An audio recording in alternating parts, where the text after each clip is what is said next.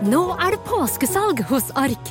Du får 30% på påskekrim og 40% på alle spill og puslespill. Jeg gjentar Ark har 30% på et stort utvalg krim og 40% på spill. Det er mye påske for pengene. Så hamstre påskekosen i nærmeste Ark-butikk eller på ark.no. En podkast fra Podplay.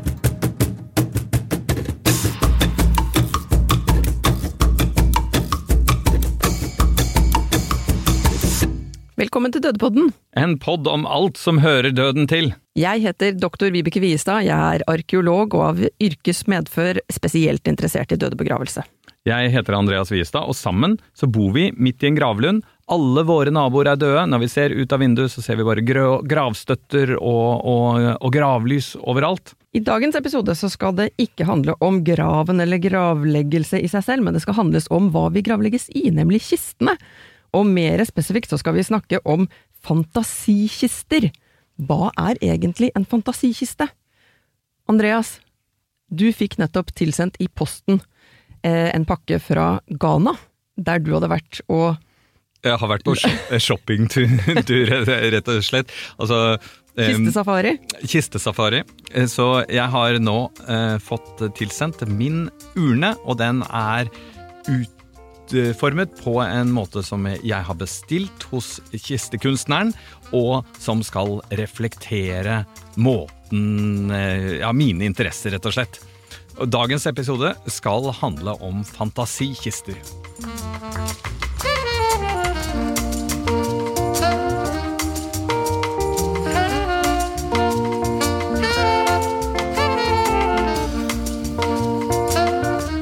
Du har vært på langreise til Ghana, Andreas, eh, i Vest-Afrika. Eh, og hvorfor reiste du egentlig? Altså en eh, slags kistesafari, eller? Ja, det, jeg hadde hørt om, om, disse fantasikistene som de har i Ghana, og så, og så tenkte jeg at, at det høres så utrolig spesielt ut. Jeg hadde sett noen bilder, og så tenkte jeg nå vil jeg komme litt nærmere inn på dette. Så da eh, fikk jeg liksom, gjorde jeg litt, sånn, eh, litt research, og så fant jeg noen av dem er ganske Noen av de som lager disse kistene, som kalles kistekunstnere, de er ganske aktive på Facebook og på Instagram, og så klarte jeg å få kontakt med en av dem som heter Kujo Afote, og lagde en avtale om å møte han i eh, workshopen sin, som ligger rett utenfor Ghanas hovedstad Akra.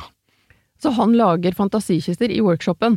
Men hva er, hva er, en fantasikiste, egentlig? Hvorfor heter det fantasikiste? Altså, Vi tenker jo på kiste eh, som den vanlige hvite, og så er det liksom eh, Så er det eh, så velger man kiste litt sånn som eh, forretningsmenn velger dress. At, at, det er ganske stor forskjell på pris og, og sånn, men de er egentlig ganske like. Men i Ghana så har de en tradisjon for at Eh, at kistene kan være veldig forskjellige, og de skal reflektere den som har dødd. Så da jeg kom til han eh, Kujo, så var han i ferd med å bygge kiste til en fyr som het eh, Awutu Berani, som hadde vært kakaobonde.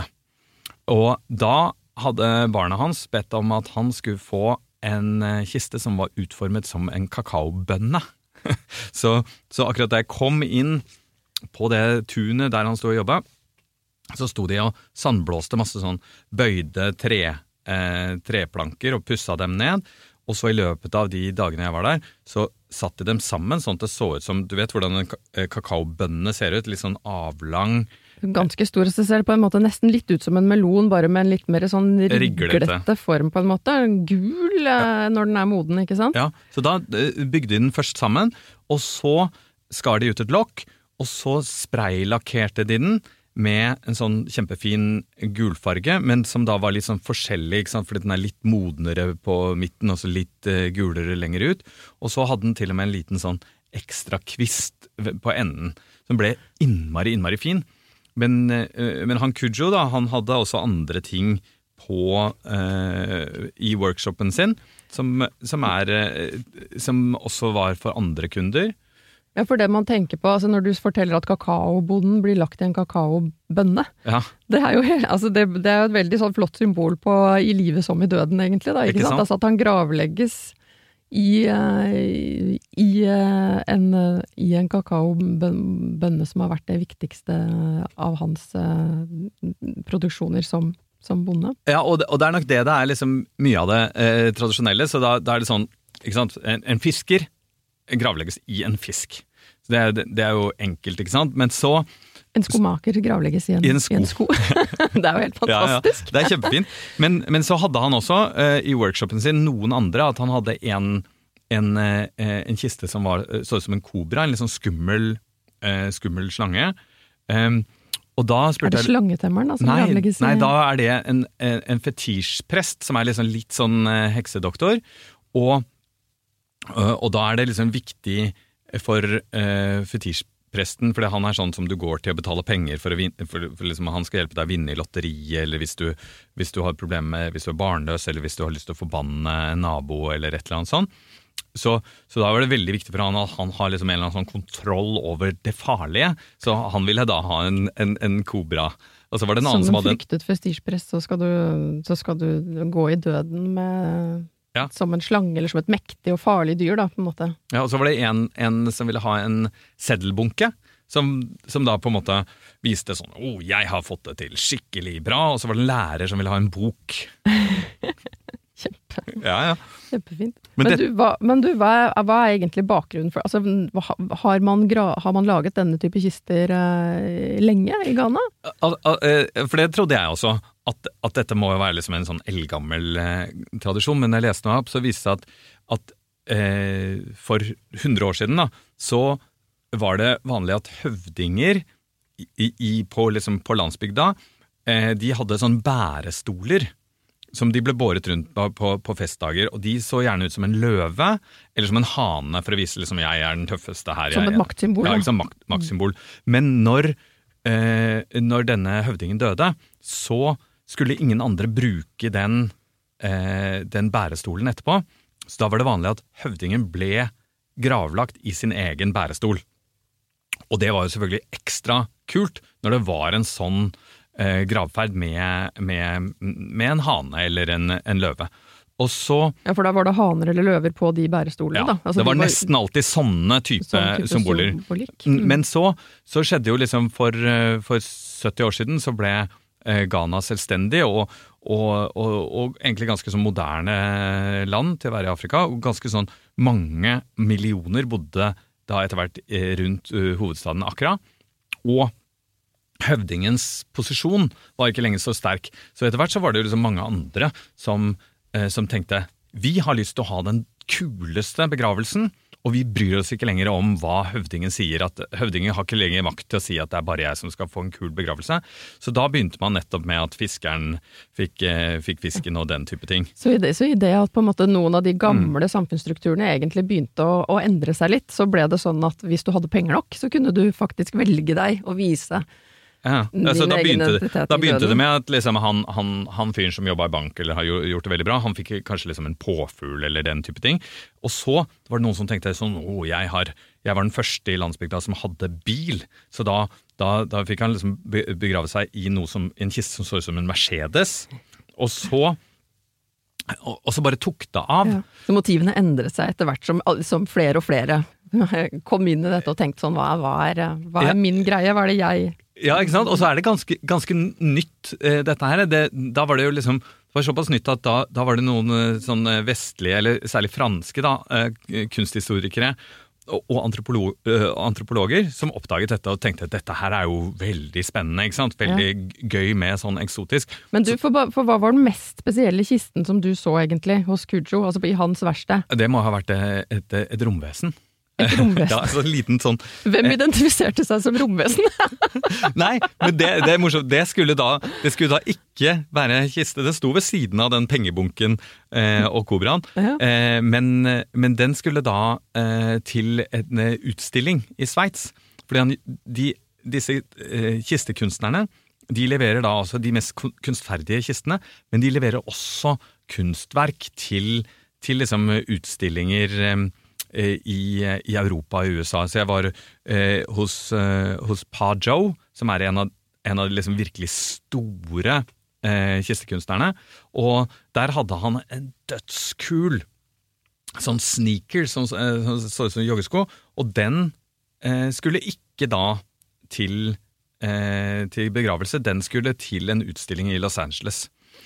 Og, og det, det som da hadde skjedd, var at på 80-tallet da, så ble det oppdaga av kunsthistorikere og antropologer, og så ble eh, denne Pa Joe, som jeg var og besøkte, og en annen som jeg også besøkte så vidt, som heter Kanekwai, de ble invitert til en stor utstilling på det moderne museet, eh, Museet National d'Art Moderne i Paris, eh, hvor kistene ble utstilt, og da ikke som bruksgjenstander. Det ble utstilt som kunst, rett og slett. Ikke sant? Ja. Ikke sant? Så det, sånn at det som i utgangspunktet begynte som et egentlig ganske tradisjonelt håndverk, da, med, Mm. der roten på en måte var disse høvdingestolene, og så over i et mer sånn fantasifullt uttrykk for, for de som hadde råd til det, Mm. så ble det oppdaget. Egentlig den, altså det ble oppdaget av den vestlige verden, og så gikk, og så begynte man å te, på en måte tenke Ja, ja. på det som kunst, og så ble det kunst. Og, så ble det kunst. og, og det som var veldig morsomt, var at når folk i Ghana så hva slags ting disse kistekunstnerne lagde for utstillinger i, i, i, liksom, i Belgia eller i,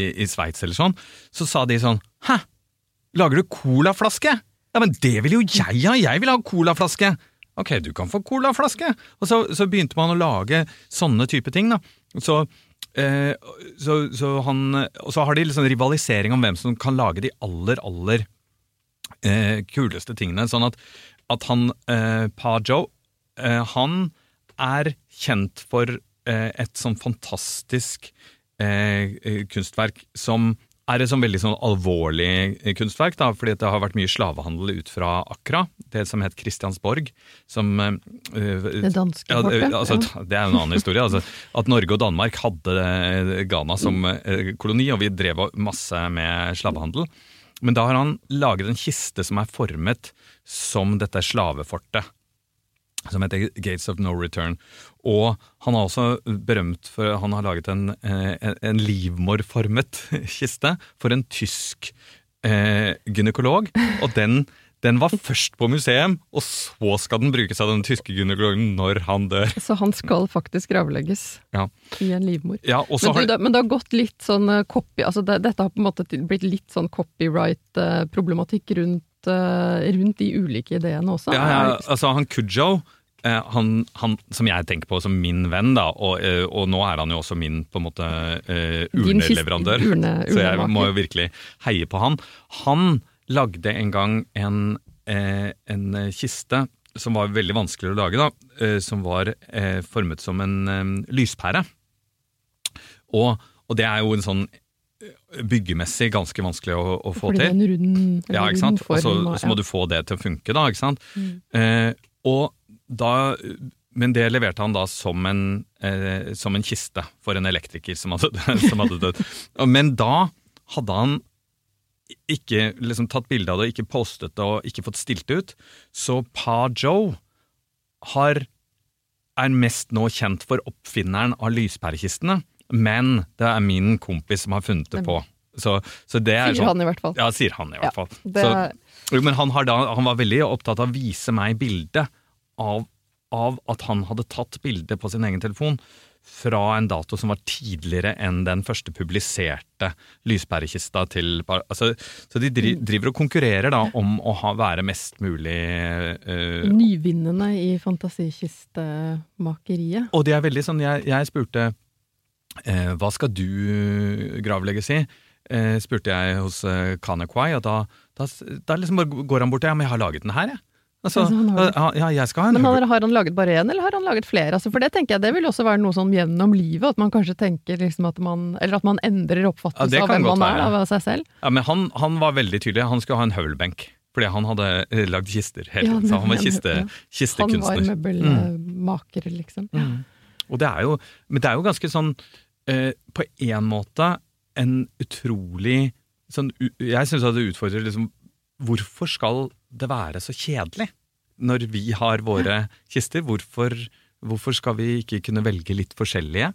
Eh, Mm. For det er sånn eh, å, å se for, for seg at, at eh, Ja, at man går inn, at man går i døden eh, på samme måte med den individualiteten som man jo på en måte tenker eh, om seg selv eh, i livet. Det er, jo det er jo egentlig veldig rart at man på en måte blir helt sånn anonymisert, kanskje, da, mm, i, i det vi tenker på som en vanlig norsk praksis. mm. Men, Men- du, du ble invitert med i begravelsen til, eh, til kakaobonden. Mm. Og, og det var en veldig fin eh, en fin greie. Da har, var det en stor fest på, midt på liksom et stort torg, og der var det hundrevis av mennesker. Og så, eh, var det masse dans, og det var noen taler. Og skulle alle gå opp og gi noe penger i en liten sånn boks da, som, som sto ved siden av kisten. For at For å betale, eller for å være med og bidra til begravelsen. Ja, ikke sant? eh, Til gravleggelsen. Ja. Mm. Eh, Men selve begravelsen, det var jeg litt overrasket over. Der var, det var liksom ikke Når, når, vi, var- når liksom halve, eller halve festen eh, var ferdig, på en måte, at jeg hadde Nå er det ferdig, nå, nå er vi klare til gravlegging. Og da var det mange hundre mennesker, men så var det bare eh, Kisten gikk opp på en liten lastbil, og så var vi tolv Jeg ble invitert til å være med. Da var vi kanskje tolv mannfolk som sto opp på det lastebil eh, med, med kista innimellom oss. Kjørte vi på sånn ekstremt humpete eh, landeveier, veldig, veldig langt bort, eh, til en gravplass som egentlig bare så ut som en skogholt. Og da kom det en Da, da hadde noen gravd et litt sånn hull som var sånn nesten sånn kakaobønneformet, men litt trangt. Så da bare liksom sparket man av eh, det ene liksom hjørnet av kisten og dyttet, dyttet det nedi. Og så kom presten og tok litt sånn talkumpulver. Uh, du vet som på Ja, sånn baby, barnerumper. babypu- pul- Ja. babypudder, liksom. Ja. Ja, og så hadde han en, en, eh, en boks med herredeodorant som han sprayet nedi. Nedi i graven. Og så, og så sa han um, Ja, nå er han, eh, nå er han død. Ehm, ingen vet eh, hvem av dere som, det, som er nestemann, så dere får eh, leve bra og, og oppføre dere pent. Og så bare spadde de igjen, og så dro de tilbake på festen. Og da var det sånn ordentlig hyggelig fest med masse god mat og dansing. Og, og veldig, veldig annerledes enn enn, eh, den måten vi feirer på. Mm. Og jeg var på en annen fest, som var, eller en annen begravelse også, som var for en, en husmor som het Felicia.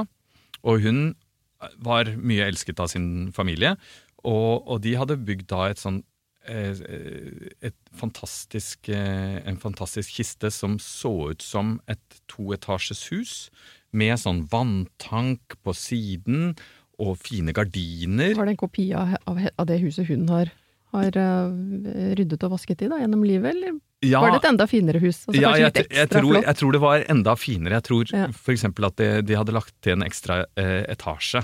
Og, og liksom Hun kommer fra Gjort virkelig fine mm. Eh, og der, var det, der hadde de hyra inn en gjeng eh, folk i dress som danset rundt med, eh, med kisten på eh, Altså med, med kisten på skulderen, da. Og, og, og liksom danset rundt i ring i en times tid liksom, med kisten. Og det, med liksom, du kunne se det av og til rusle litt i gardinene når, når, når liket rulla litt inni Ja, så der. det var til og med vinduer, med, så kunne du se inn gjennom vinduene? Nei, det, det, det kunne du ikke ordentlig, men ja, det var, men det var det var gardiner. gardiner på innsiden. Det var ordentlig, ordentlig fint gjort, altså. Ingen vet hvem som eh, vil bli den neste. Var det de jordene som eh, gjorde at du tenkte at nå er det på tide å, å, å få laget seg en, eh, en kiste, eller en urne? Jeg bare tenkte, jeg hadde gått rundt da i mange dager, var, var i Ghana, og, og vanligvis så er jo jeg um, en, en ganske sånn sosial person, så jeg, eh, og her var det jo ingen, av, ingen folk som på en måte hadde alle mine interesser. Her var, snakket jeg bare med folk som utelukkende var interessert i kister. Og jeg gikk rundt og spurte folk hva slags kiste vil du ha, hva slags kiste vil du ha? Så til slutt så kom det spørsmålet bare liksom tilbake til meg. Hva slags Hva slags kiste vil du ha? og jeg er veldig opptatt av mat, og min yndlingsrett er en rett som heter pressetand, det vet jo du, Ja, det vet jeg alt om. Vi spiser det hver, eh, på hver jul. julaften. Og det er en litt sånn upraktisk, eh, en litt sånn upraktisk fransk rett, som er en helstekt, eh, en helstekt and, men hvor man skal presse skroget og sånn, for å få ut en saus. Og da trenger man en andepresse, som er da en sånn Altså en egen innretning, et eget kjøkkenredskap som man bruker utelukkende for å lage sausen til, Til- denne retten. til en rett som man spiser én gang i året. Så da eh, tenkte jeg at hvis jeg skal ha en eh, spesiell kiste, så skal jeg ha en eh, kiste som ser ut som en andepresse. Og så spurte jeg han Kujo, og da sa, så han på den, og så sa han den har mange vinkler og mange detaljer. Eh, så, så, så har han laga den, eh, og den er blitt kjempefin. Men dessverre, dessverre si, så har den mange vinkler, så et lite hjørne av den er, er litt eh, Ble litt ødelagt i posten. Ja, ja. så det syns jeg var veldig, veldig trist. da. Jeg håper at den kan limes. Men dersom du virkelig ønsker å, å gravlegges som en presset and, så kan du jo kanskje bruke en av de andre Andepressene? Andre andepressene. Som, du har jo en hel samling eh, andepresser. Ja, ja, det er jo en annen, annen, ting som vi sikkert kommer tilbake til senere. Hva er det egentlig lov til å la seg gravlegge, gravlegge i, i, i, Norge? i, Norge? Men jeg tror i hvert fall at min, eh, eh, min andepresseurne, den skal jeg reparere, og så eh, skal jeg eh, gravlegges i den. Og så håper, eh, håper jeg at det er lenge til. Det håper vi.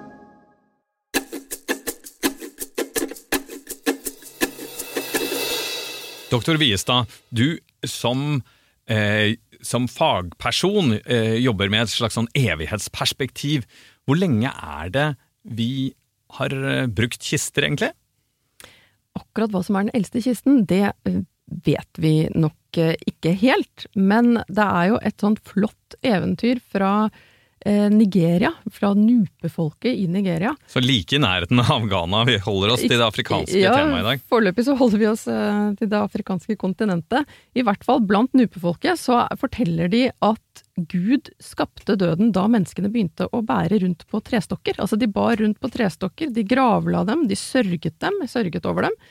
Eh, og først da um, fant Gud opp døden. Så kista, kista og gravferden kom rett og slett før selve døden. Altså vi tenker på høna og egget. Hva kom uh, først? Vel, blant nupefolket så kom kistene før uh, døden. Mm. hos oss så var det nok Så er ikke på en måte kistedød så kausalt, akkurat den sammenhengen der, da.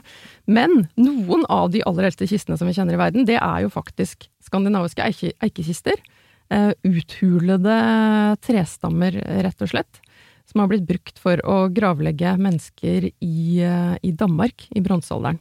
Men, men hvorfor, hvorfor, gjorde man det? På en måte, hva, hva, hva var tanken i første omgang? Liksom nå, nå, gjør vi det jo liksom litt for å skjule døden på, en måte, på vei ned i, i, i jorda. Altså, det er vanskelig å si akkurat hva som var på en måte bevegsgrunnen for, eh, for, det den gangen, men det som er helt klart, er jo i hvert fall at dette ikke på en måte var vanlige mennesker, det var jo en åpenbar elite, altså det var veldig viktige og betydningsfulle mennesker som må ha fått en sånn form for gravferd, fordi det var jo utrolig ressurskrevende, ikke sant. Én ting er jo å hogge ned fine, gamle eh, trestammer og, og hule ut de, men de ble jo da også lagt i kjempestore gravhauger, altså man brukte rett og slett mye jord, mye tid, mye ressurser på å gravlegge i haug eh, disse menneskene da som lå inne i eikestammer. Og det som jo er veldig gøy med det, da, for, mm. å, for å si det sånn, for oss uh, arkeologer i ettertid, er at det har ført til at de er veldig, veldig godt bevart. Mm. Uh, selve der, å legge det i haugen har, uh, har, skapt en sånn spesiell på en måte, kjemisk prosess, sånn at det har blitt, la, det har blitt på en måte um, det har blitt et eh, sånt jordlag rundt de eikekistene som man kaller aurhelle, altså sånn jernholdig jordlag som fører til at eikekista i seg selv er veldig godt bevart. Og derfor så kan vi datere de ganske eksakt, altså vi kan telle på treringene eh, når, når, dette treet ble hugget.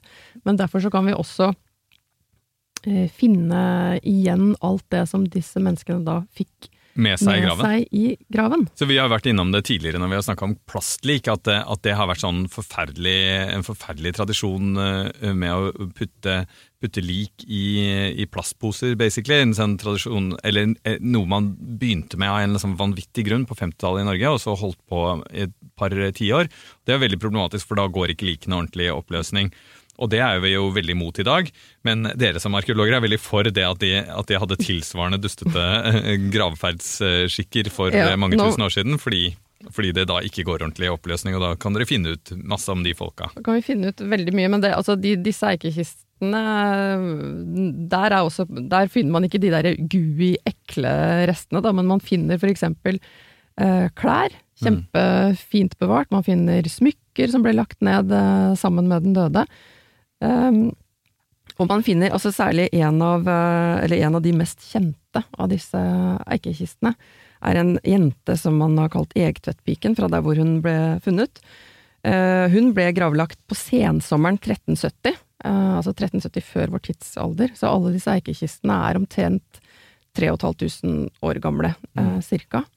Og den jenta, vi vet at hun var 16 til 18 år omtrent da hun ble gravlagt, og hun ble gravlagt i en sånn kort ulltrøye og med et snorskjørt som gikk til knærne. Og så hadde hun en stor, rund belteplate av bronse med sånn veldig tidstypisk ornamentikk, sånn sirkelornamentikk, eh, som er veldig typisk for nordisk bronsealder. Eh, men det som også er eh, spennende, er at hun hadde med seg et, eh, et neverspann med øl, men også en bylt med brente barneknokler. Altså hun hadde det, hun, ble, hun var gravlagt. Hun, hun, hun, var en ung jente selv, og så var hun gravlagt med en, en, en, bunt med barneknokler. Med barneknokler, ja. Rett og slett. Altså en liten bynt, bult med, med, knokler av et barn som må ha vært omtrent fem til seks år da mm. det døde, som ble gravlagt sammen med henne. Og da kan vi jo Var det søstera, eller var, det, var, hun mora? Ikke sant. Hun var nok for ung selv til å kunne ha vært mor.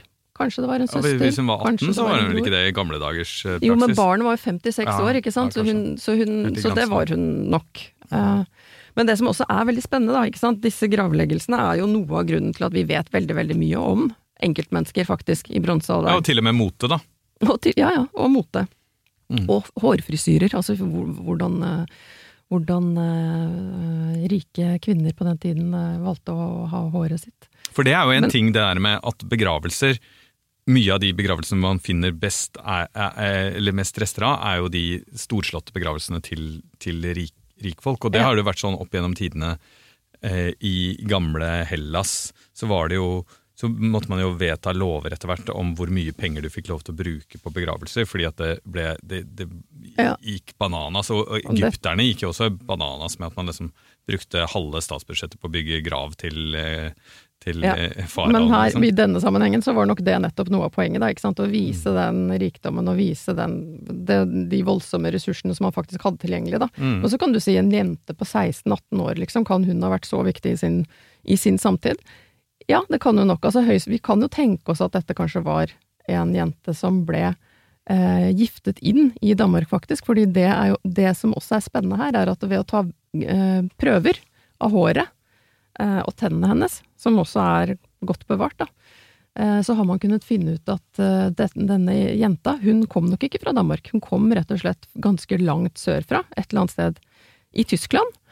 Og så har hun levd store deler av livet sitt i Danmark, men like før hun døde, så var hun faktisk også da tilbake sør i Tyskland, til der som hun kom fra. Så dette er en ung jente som på et eller annet tidspunkt har blitt sendt eller dratt til Danmark, kanskje for å bli giftet bort. Mm. Så har hun reist tilbake igjen etter et halvt år etter at hun da kom tilbake til Danmark igjen, så døde hun. Oi. Ja, ja, Så hun var liksom den tidens uh, overklasse jetsetter som reiste på, ja. på ferie overalt. Og, um, og, da skal vi runde av, og det er verdt å merke seg at de første kistene i Norge og Skandinavia var eikekister, men det er ikke lenger lov å bruke, eller det er i hvert fall veldig problematisk å bruke. Um, så da tenker jeg at det, det skal handle egentlig om, om norske kister uh, i neste episode av Dødepodden.